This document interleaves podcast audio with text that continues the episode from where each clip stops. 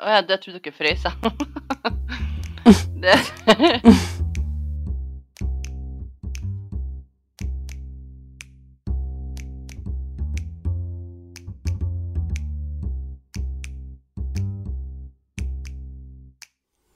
Hei, hei, alle sammen. Du lytter nå til en liten pause med meg, Maria og søstrene mine.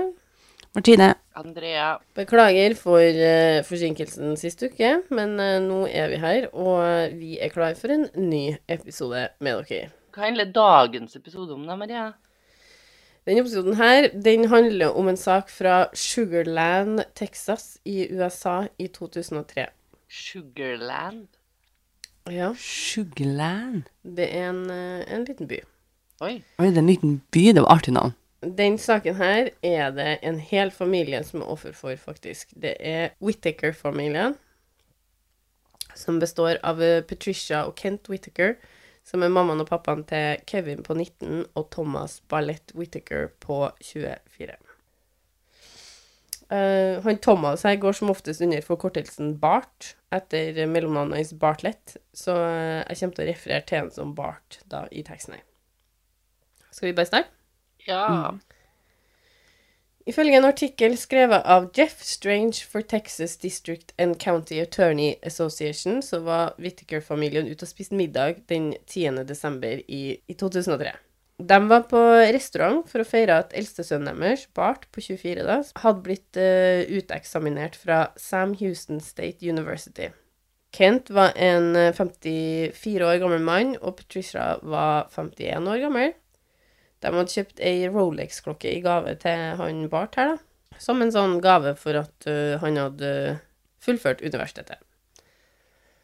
Uh, denne familien her har ganske mye penger. Sånn, jeg tror ikke de er sånn steinrike, liksom, men de er, har relativt godt med penger, da. 48 Hours har en, uh, har en dokumentar om denne saken her, som heter Sugarland Life or Death. Eh, og ifølge den så var Whittaker-familien en høytstående, godt likt kristen familie, da. Alle var glad i Patricia og Kent, og det blir sagt at hjemmet deres var liksom en sånn her litt sånn place to be i oppveksten. De var morsomme, artige, liksom litt sånn gode mennesker å være sammen med. Eh, og bestevennene til Kevin, han minsten på 19, sier i dokumentaren at eh, Patricia og Kent var som bonusforeldre til mange barn i oppveksten deres, da.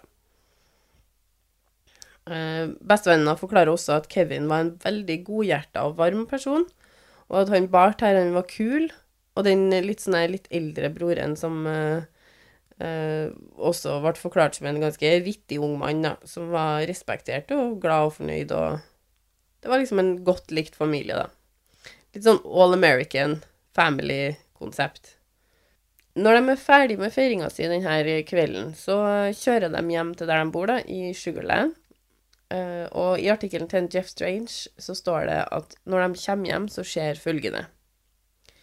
Kevin, 19 år, er den som går for å åpne frontdøra til huset, da, så han springer litt sånn i forveien. Og Patricia er ikke langt bak en Kevin. Men Kent, faren også, hang litt tilbake, fordi Bart hadde sprunget bort til bilen sin istedenfor å liksom Så han sto og venta litt på en Bart, for han, uh, han Bart skulle hente telefonen sin som uh, lå igjen i bilen sin som sto på gata, da. Når Kevin går inn i stua, så blir han umiddelbart skutt. Truffet rett i brystet. Skuddet treffer hjertet hans, eh, og Patricia blir skutt rett etterpå, når hun går inn døra. Hun blir også skutt, skutt i brystet, da, sånn som en uh, Kevin blir. Jeg forstår ingenting, jeg. Hvem er det som kommer hjem til en familie som skyter hele tida? Kent står utafor huset når han blir skutt, men han blir skutt i en sånn vinkel at kula ender opp i skuldra hans. da. Og Bart han er den siste som blir skutt, og han blir skutt i armen. Det er faktisk en nabo som kommer til åstedet først og hjelper denne familien, altså, og får ringt dem som skal ringes. Og, uh, Patricia blir frakta til sykehus, men dør av skadene ikke lenge etterpå. Kent, altså faren, og Bart, som blir skutt i armen, de overlever. Men Kevin han blir erklært død på stedet. da. Altså, jeg, skjønner, jeg skjønner egentlig ikke helt hva som har skjedd her. Sugarland-politiet satte i gang etterforskninga og finner et håndvåpen på kjøkkengulvet. Eh, Det er antatt at inntrengeren stakk ut eh, bakdøra, eh, hvor håndvåpenet da blir funnet ved siden av bakdøra. En 9 mm Glock.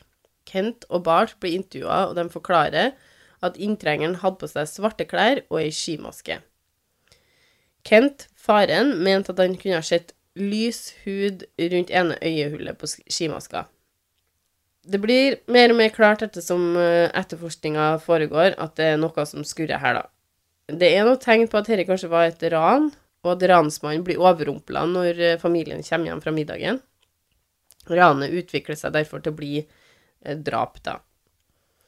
Men den teorien blir, blir mer og mer usannsynlig, for det virker som om åstedet er satt opp til å se ut som et ran. Men alt er liksom litt for ryddig gjort her. Ja, så er det jo ikke eh, Er det ikke litt rart å gå fra ran til drap? Eh, Det er mange ting i huset som er verdt ganske mye penger, som ikke er rørt. da, Sånn eh, smykker, videoutstyr, datamaskiner, som lå liksom helt åpent i huset, da. Pistolen som er brukt, eller den glokken her, da, den er også henta ut av en safe i huset, som uh, egentlig tilhørte Kevin, denne pistolen. Eh, og de finner ut at inntrengeren har tatt seg inn gjennom en plass på rommet til en Kevin, hvor det var en sånn utbygd, eh, eller sånn bygd ut krypkjeller, da. Jeg tenker jo at det er jo noen som kjenner familien, da. For de har jo kommet seg inn, og de vet at de er borte. Politiet mener at teorien om ran gone wrong da, er feil. Familien hadde blitt henretta. Og planen, virker det som, var alltid å drepe Whittaker-familien når de kom inn døra, men de finner ikke noe annet fingeravtrykk i huset enn Whittaker-familien sine egne. Bare et par dager etter Whittaker-familien ble skutt, så kommer det inn et tips til politiet. Den 12. desember så får de beskjed om at Bart ikke lenger var elev ved Sam Houston State University, og at han ikke hadde vært på skolen på en veldig lang stund. Da. Han hadde, var i hvert fall ikke uteksaminert fra eh, Sam Houston State University, da. Var det et tips?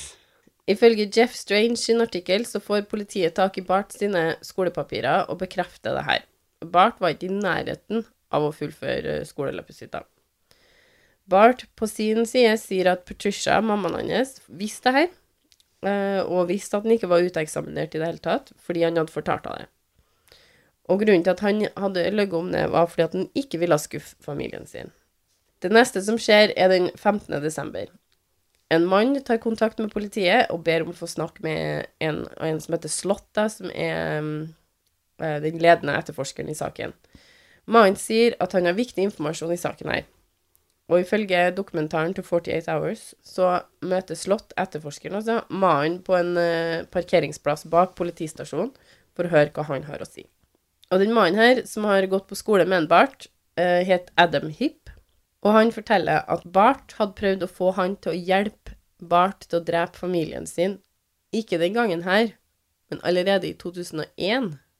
Og han forteller at Bart ville drepe familien sin sånn at han kunne få arv foreldrene sin andel i familien sin byggevirksomheter. Videre så sier de i dokumentaren at Hipp forklarer og tegner opp hjemmet til Whittaker-familien, og forklarer hvordan Bart ville han skulle utføre drapene på Patricia, Kevin og Kent. Han skulle skyte dem mens de kom i døra, og Bart ville at Hipp skulle skyte Bart i skuldra, sånn at det så ut som han også var et offer. Bart skulle få familien sin ut av huset før det her, ved å ta dem med på middag. Våpenet som skulle brukes, skulle fraktes til Sugarland av en tidligere romkamerat av en Bart. Så han Adam Hipp her, han egentlig forklarer hele oppskrifta si, av det som har skjedd, da. Mm, Men at da var det planlagt to år tidligere. Det er jo akkurat det som har skjedd, ikke sant? Hipp blir jo da fort en mistenkt. Eh, Men han ble også sjekka ut av drapssaken, fordi han hadde vært på jobb når drapene hadde skjedd, så han hadde et ganske airtight eh, alibi. Og Hipp får en avtale med politiet for å ikke bli strafferettslig forfulgt som følge av at han han hadde vært med å planlegge tre drap, da, så lenge han hjelper politiet i etterforskninga. I Jeff Strange sin artikkel så står det at når politiet finner den tidligere romkameraten til Embart, så innrømmer han sin del av den planlagte drapsplanen i 2001. Men han forteller også at Bart hadde i slutten av 2000 planlagt å drepe familien sin ved en annen anledning, men planen hadde mislyktes. Nok en gang var motivet å arve pengene til familien sin. I den planen i 2000 var det en annen fyr som het Will Anthony, som også var med på det her drapsplottet, da. Og I dokumentaren til 48 Hours så forklarer de at Bart sine to nærmeste venner ble etterforska. En Krish Beshear, som Bart også bodde med på det tidspunktet drapene hadde skjedd, og en Steven Champagne, som bodde like i nærheten av dem. Politiet tar da lukteprøver av de her to mennene, og så får de en blodhund til å sammenligne lukta deres med bevismaterialet som var henta fra åstedet. Det var da blant annet en hanske, uh, skuffene som hadde blitt åpna liksom i det her uh, antatte ranet, og våpenet som hadde blitt brukt. Så de fikk hundene til å sammenligne lukta på de fyrene her til bevismaterialet. Jeg har hørt at hunder skal jo klare å lukte seg fram til DNA, forskjellige DNA, så Og blodhundene merka på Krish Bashir, som bodde med en Bart. Så de sa det her hører sammen. Den lukta her fins også på de tingene her, liksom. Oi. Så nå hadde politiet en hovedmistenkt i saken, da. Og i artikkelen til Jeff Strange så står det også at Hip, han som hadde hatt kontakt med politiet og fortalt om drapsplanen i 2001, ble også med på å prøve å få kontakt med en Bart og ha på seg avlytterutstyr imens. Hip forteller Bart at politi politiet har tatt kontakt med han, og over flere samtaler mellom Bart og Hip da, om likhetene i denne, de her drapssakene og den mislykka planen i, i 2001. Så blir Bart enig med en Hipp om at Bart skal betale Hipp 20 000 dollar for at Hipp skal lyge til politiet om Bart sin del av planen i, i 2001. Og det her får jo da en hipp liksom litt uh, på tape, da, eller på avlytterutstyret sitt når han snakker med han. De pengene her skulle overleveres eh, ved at en Bart skulle sende dem til en postboks satt opp i Hip sitt navn.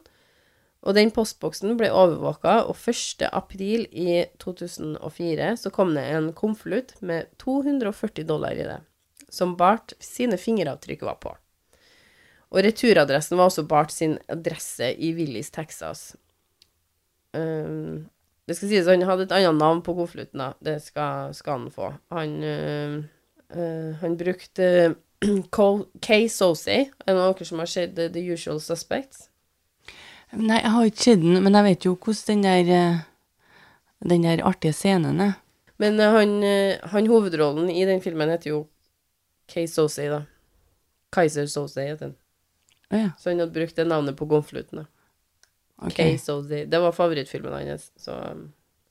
Videre i artikkelen så står det at eh, Bart sin bil blir funnet den 28. juni i 2004. Forlatt ved et leilighetskompleks, og at Bart var som forsvunnet i jorda. I og med at denne eh, pengegreien skjedde i april, så er det jo tydeligvis ting som liksom tar litt tid her, da.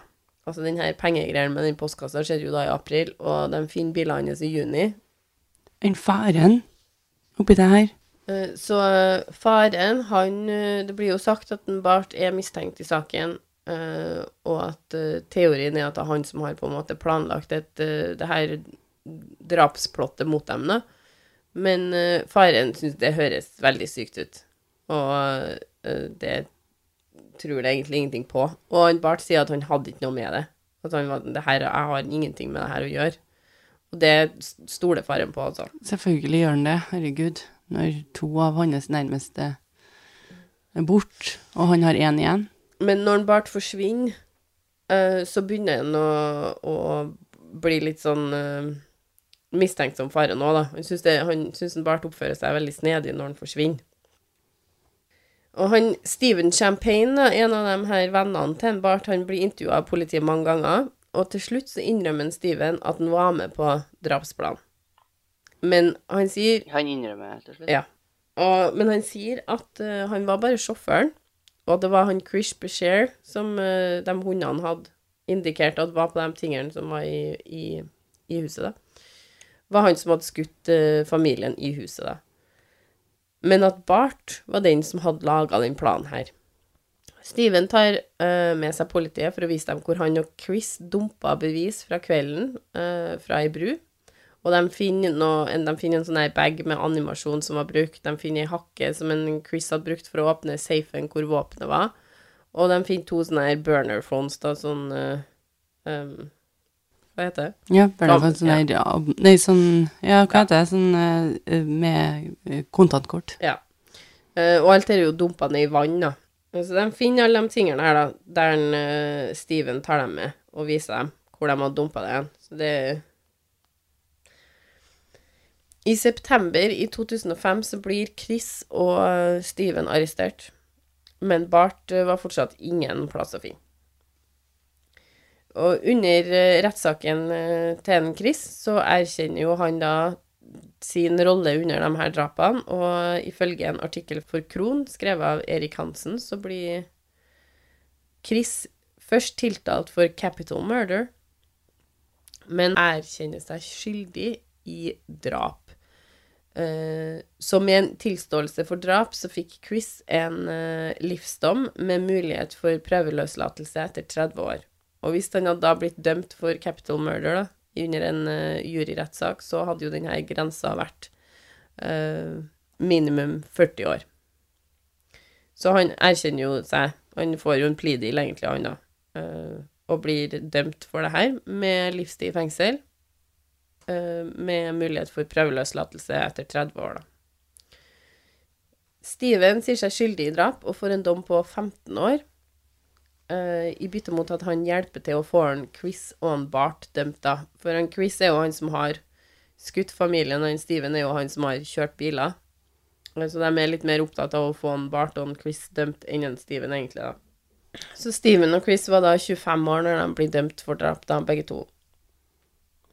Men han Bart, han hadde jo da stukket, eh, og han hadde endt opp i en eh, liten by i Sorolvo i Mexico. Han har selvfølgelig stukket, vet du. Han har sprunget. I dokumentaren til 48 Hours så sier de at Bart starta et nytt liv der. Han eh, tok eh, 7000 dollar fra faren sin før han stakk, da. Og han fikk seg fort en leilighet i byen, en kjæreste og en jobb, og så tok han en ny identitet, av Rudi Rios. Mm. If that doesn't make you feel guilty, what does? Mhm. Make you feel guilty. Mm. Flere folk blir intervjua i dokumentaren, og det blir forklart at uh, familien til kjæresten hans tok han uh, inn til seg, og liksom De satte veldig stor pris på han Bart. Han blir forklart som, eh, av, av kjæresten sin familie som en snill og dyktig fyr som var veldig flittig i, i arbeidet han gjorde. Han Bart, sant, ja? Ja. Uh, Bart forklarer også til denne familien da, at uh, han er enebarn, vokste opp som enebarn. Uh, han forklarer at mora var sexarbeider, og at mora aldri hadde elska han. Og så sier han at denne familien til den kjæresten her er som, en familie, som den familien han aldri hadde. Det var litt vondt. Videre blir det forklart at en Bart han bor i den byen her i 14 måneder før politiet får inn en samtale fra den virkelige Rudi Rios, som sier at han vet hvor en Bart befinner seg. Så Rudi forklarer at han hadde hjulpet en eh, Bart Å ja, han har tatt navnet til noen, han. Ja, eller han har fått det, da. Altså sånn han Rudi her har på en måte sagt uh, bruk, uh, bruk min it. Ja, bruk min legitimasjon, liksom, eller min identitet, da. Så han Rudi han forklarer at han hjalp en Bart med å stikke til Mexico for 3000 dollar. Men at han nå så at det var en dusør på 10 000 dollar i den saken her, og dem tenkte han at han godt også kunne ta. Om en Bart uansett var en drapsmann, så var det ikke så nøye for han at han uh, casha inn litt mer penger. Så eh, han Bart blir jo da arrestert når eh, politiet i Mexico setter han tilbake over grensa. Eh, og i mars 2007 er rettssaken mot en Bart, og i rettssaken så vitner både Kent, faren til en Bart, vitner om drapene. Ikke nødvendig, altså han vitner ikke mot sønnen sin, men han vitner om hva som skjedde. Og Hipp, han som tok kontakt med politiet, vitner. Eh, en Justin Peters vitne, som var del av en av de andre drapsplottene, og en Anthony, som også var en del av en eh, plan om å drepe familien allerede i 2000. Eh, Steven og Chris vitna motenbart, en eh, og det kommer fram at det var totalt tre forsøk på å gjennomføre en plan om å drepe Whittaker-familien før det her skjedde i 2003, da. Wow. Det var én plan i 2000 med Justin Peters og Will Anthony. Eh, Det var én plan i 2001 med en Adam Hipp, og én gang til i 2001 hadde han planlagt det her. Den første planen gikk i vasken fordi det gikk av en alarm når de prøver å bryte seg inn. Eh, De prøver å åpne et vindu, og så går det eh, en alarm, og de, da stikker de bare. da. Det andre forsøket med en Adam Heap ble også mislykka, for det ble egentlig aldri mer enn det praten om å gjøre det. Altså planlegginga med en Adam Heap og sånn, men det, det ble aldri prøvd gjennomført den andre gangen. Og så var det den her tredje gangen som ble stoppa fordi en av kollegaene til en Bart tar kontakt med politiet når hun får høre om denne planen. Eh, Så hun ringer jo da og sier fra at eh, han Bart har snakka om det her. Og så får familien hans beskjed om det allerede da. At det her, det er sønnen deres driver og liksom planlegger å ta livet av, OK? Og det syns, eh, det syns familien, eller faren forklarer at det syns han høres så sykt ut, at det, det var liksom ikke noe å egentlig tenke på engang. Det var Det var ikke sant likevel. Og det kan jeg jo forstå. Eh, altså, hvis, hvis det er en oppegående gutt som Altså, du har ikke hatt noe Du har kanskje krangla med ham for at han er en fjortis, så det er det, og så sier noen plutselig Han har planer om å drepe dere, liksom. Mm, jeg skjønner veldig godt at de ikke tror på det. Da jeg er mer sånn Herregud, skal dere fortelle? Nei, det kommer ikke sønnen min til å gjøre. Men alle de her guttene som var med på den her, eh, og inkludert den Bart for så vidt, men alle de her guttene som var med på de her planene her, som han Bart laga, eh, det var flotte gutter, altså. Det var liksom Det var ingen Ah, ja. Det var gutter som var fra velstående familier, sånn skikkelig sånn all American boys. Så de trengte egentlig ikke pengene heller. Eh, Nei, de gjorde ikke det. Altså, det er liksom ikke Det er ikke ut av desperasjon at de blir med på de planene her. Han får på en måte dem med seg ved å manipulere dem veldig godt, da. Og det det er gutter som ikke har noen grunn til at det her skal skje. Gutter som jobber, har vanlige liv, er liksom aldri gjort noe kriminelt etterpå, eller Så dette syns de jo er veldig rart. Ja, det er et stort hopp, liksom. Mm. Han må jo være helt sjukt god for å prate på seg sjøl, han. Og ifølge artikkelen til Jeff Strange så forteller en Steven i rettssaken om en Bart at en Bart han hadde møtt den igjen i 2004 for å prøve å få faren drept etter Altså, det her eh, drapene skjer jo i 2003, så han Steven her, han forteller jo da at en Bart skulle få tatt livet av far sin igjen, da, etter det her mislykka forsøket. Eh, Å ja. ja. Men så han klarte ikke å liksom skjønne at Løpet er kjørt. løpet er kjørt, nå er det ferdig, liksom. Nei, han var veldig opptatt av å få arva de her uh, eh, eh, andelen i den byggefirmaet, og så tror jeg de hadde en sånn her Men ingen 1,5 ang... mill. dollar eller noe sånt, kanskje. Ok, men den angrer ikke heller? Kan jo ikke jeg si noe om det, egentlig. Nei, men sånn hvis du Altså, jeg hadde jo følt at at han hadde ikke prøvd å tatt livet av far sin etterpå hvis han hadde angra. Nei, det er jo litt sånn her crazy at han på en måte prøver det igjen etter alt det her, da. Men det er intervju av en i, fra rettssaken hans. Um, jeg vet jo ikke om det her er genuint eller ikke, men han er veldig lei seg og syns det er forferdelig det han har gjort, på en måte. Når rettssaken starter, så spør jo da dommeren eh, liksom Har du What's your plea, sant? For du kan jo plead guilty, eller du kan plead not guilty. Mhm. Og han nekter, å, han nekter å plead noe som helst. Han nekter å svare. Ja, han ville verken si seg skyldig eller uskyldig i det her, på en måte.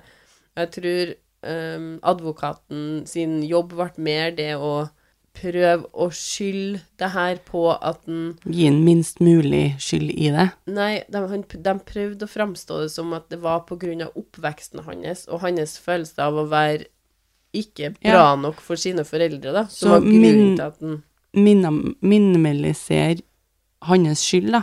Ja, altså i hvert fall få det til å høres ut som om han ikke hadde noe annet valg i sitt, i sitt hode, at det her liksom var den eneste måten å få slutt på den her følelsen av å være uh, for dårlig, følelsen av å være ikke elska. Det er det han prøver å få fram, da. At oppveksten hans, som alle mener har vært veldig god, at de familien, den familien her er en veldig fin familie. Um, men han prøver å få det til å å forklare det med at han følte seg så uh, lite som den personen foreldrene så han som. Men er faren med på rettssaken? Eh, ja, faren er med i rettssaken hans. Gud, så grusomt for han faren. Um, men han blir dømt for capital murder, uh, noe som gjør at uh, straffeutmålinga kan inkludere dødsstraff i Texas. Og det er jo det statsadvokaten ønsker, da, at uh, han Bart skal bli dømt, for, dømt til døden. da. I en artikkel fra ABC News så står det at Kent, faren hans, ikke ville at sønnen skulle dø. Han Kent han, han hadde tilgitt ham det som hadde skjedd, og både Bart og Kent mente at en Bart var en endra mann nå, som forsto at det han hadde gjort, var galt, og at han følte på anger og tok ansvar for handlingene sine. Kent ber derfor om at juryen skal spare livet til en Bart. Han vil ikke at det siste medlemmet av familien hans skal dø, da. Og juryen bruker to timer på å dømme Bart for capital murder, og så bruker de ti timer på å bli enige om at han skulle få dødsstraff. Så han fikk det? Han, ja, han fikk dødsstraff, da. Eneste han har igjen, han faren. Mm. På Medium sin eh, artikkel så står det at det, det er jo noe og han anker jo den saken og litt sånne, sånne ting som foregår her, men den 1. november i 2017 så blir det bestemt at Bart skal få dødsstraff 22. februar i 2018, klokka seks på kvelden.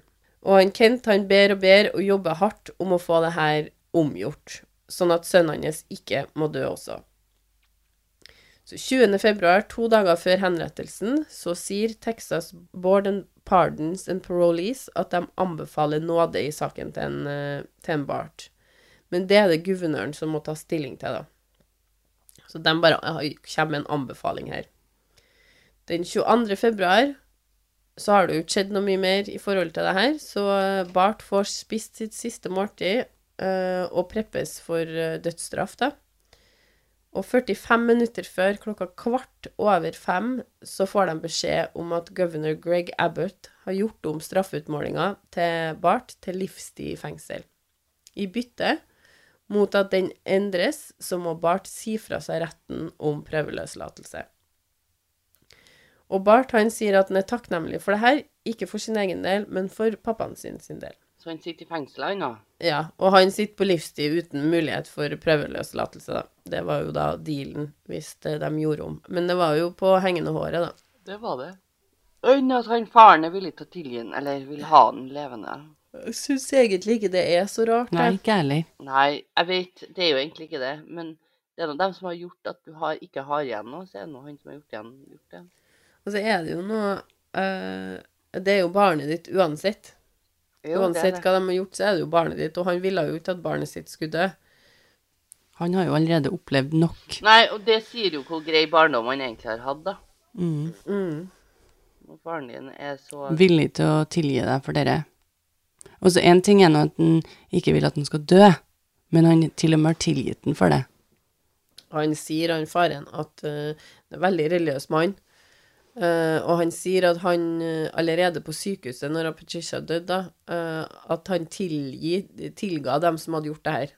Uten å vite noe mer om hvem eller hvordan eller hvorfor eller noe. Ah, ja. Så sier han at han allerede da tilgir dem, og det trodde han var fordi at Gud skulle gi ham styrken til å holde ut når det kom fram at det var sønnen hans som hadde gjort det, da. Hadde han en liten tanke om at det kunne være det? Um, nei, ikke ut ifra det han sier sjøl i, den dokumentaren. Altså. Det virker ikke som om han i sin villeste fantasi kunne se for seg at det, det var sønnen som hadde gjort det, selv om de allerede visste at det var på en måte en runde der noen sa at var, han prøver å få dere drept, liksom. Eh, men at han trodde at det var Gud, eller Gud hadde gitt den styrken til å holde ut når det kom fram at det var en Bart, det var for, derfor han liksom hadde muligheten til å tilgi dem tidlig, da. Ja, det er en stor mann. Ja. ja, det er en stor mann. Men det var alt vi hadde.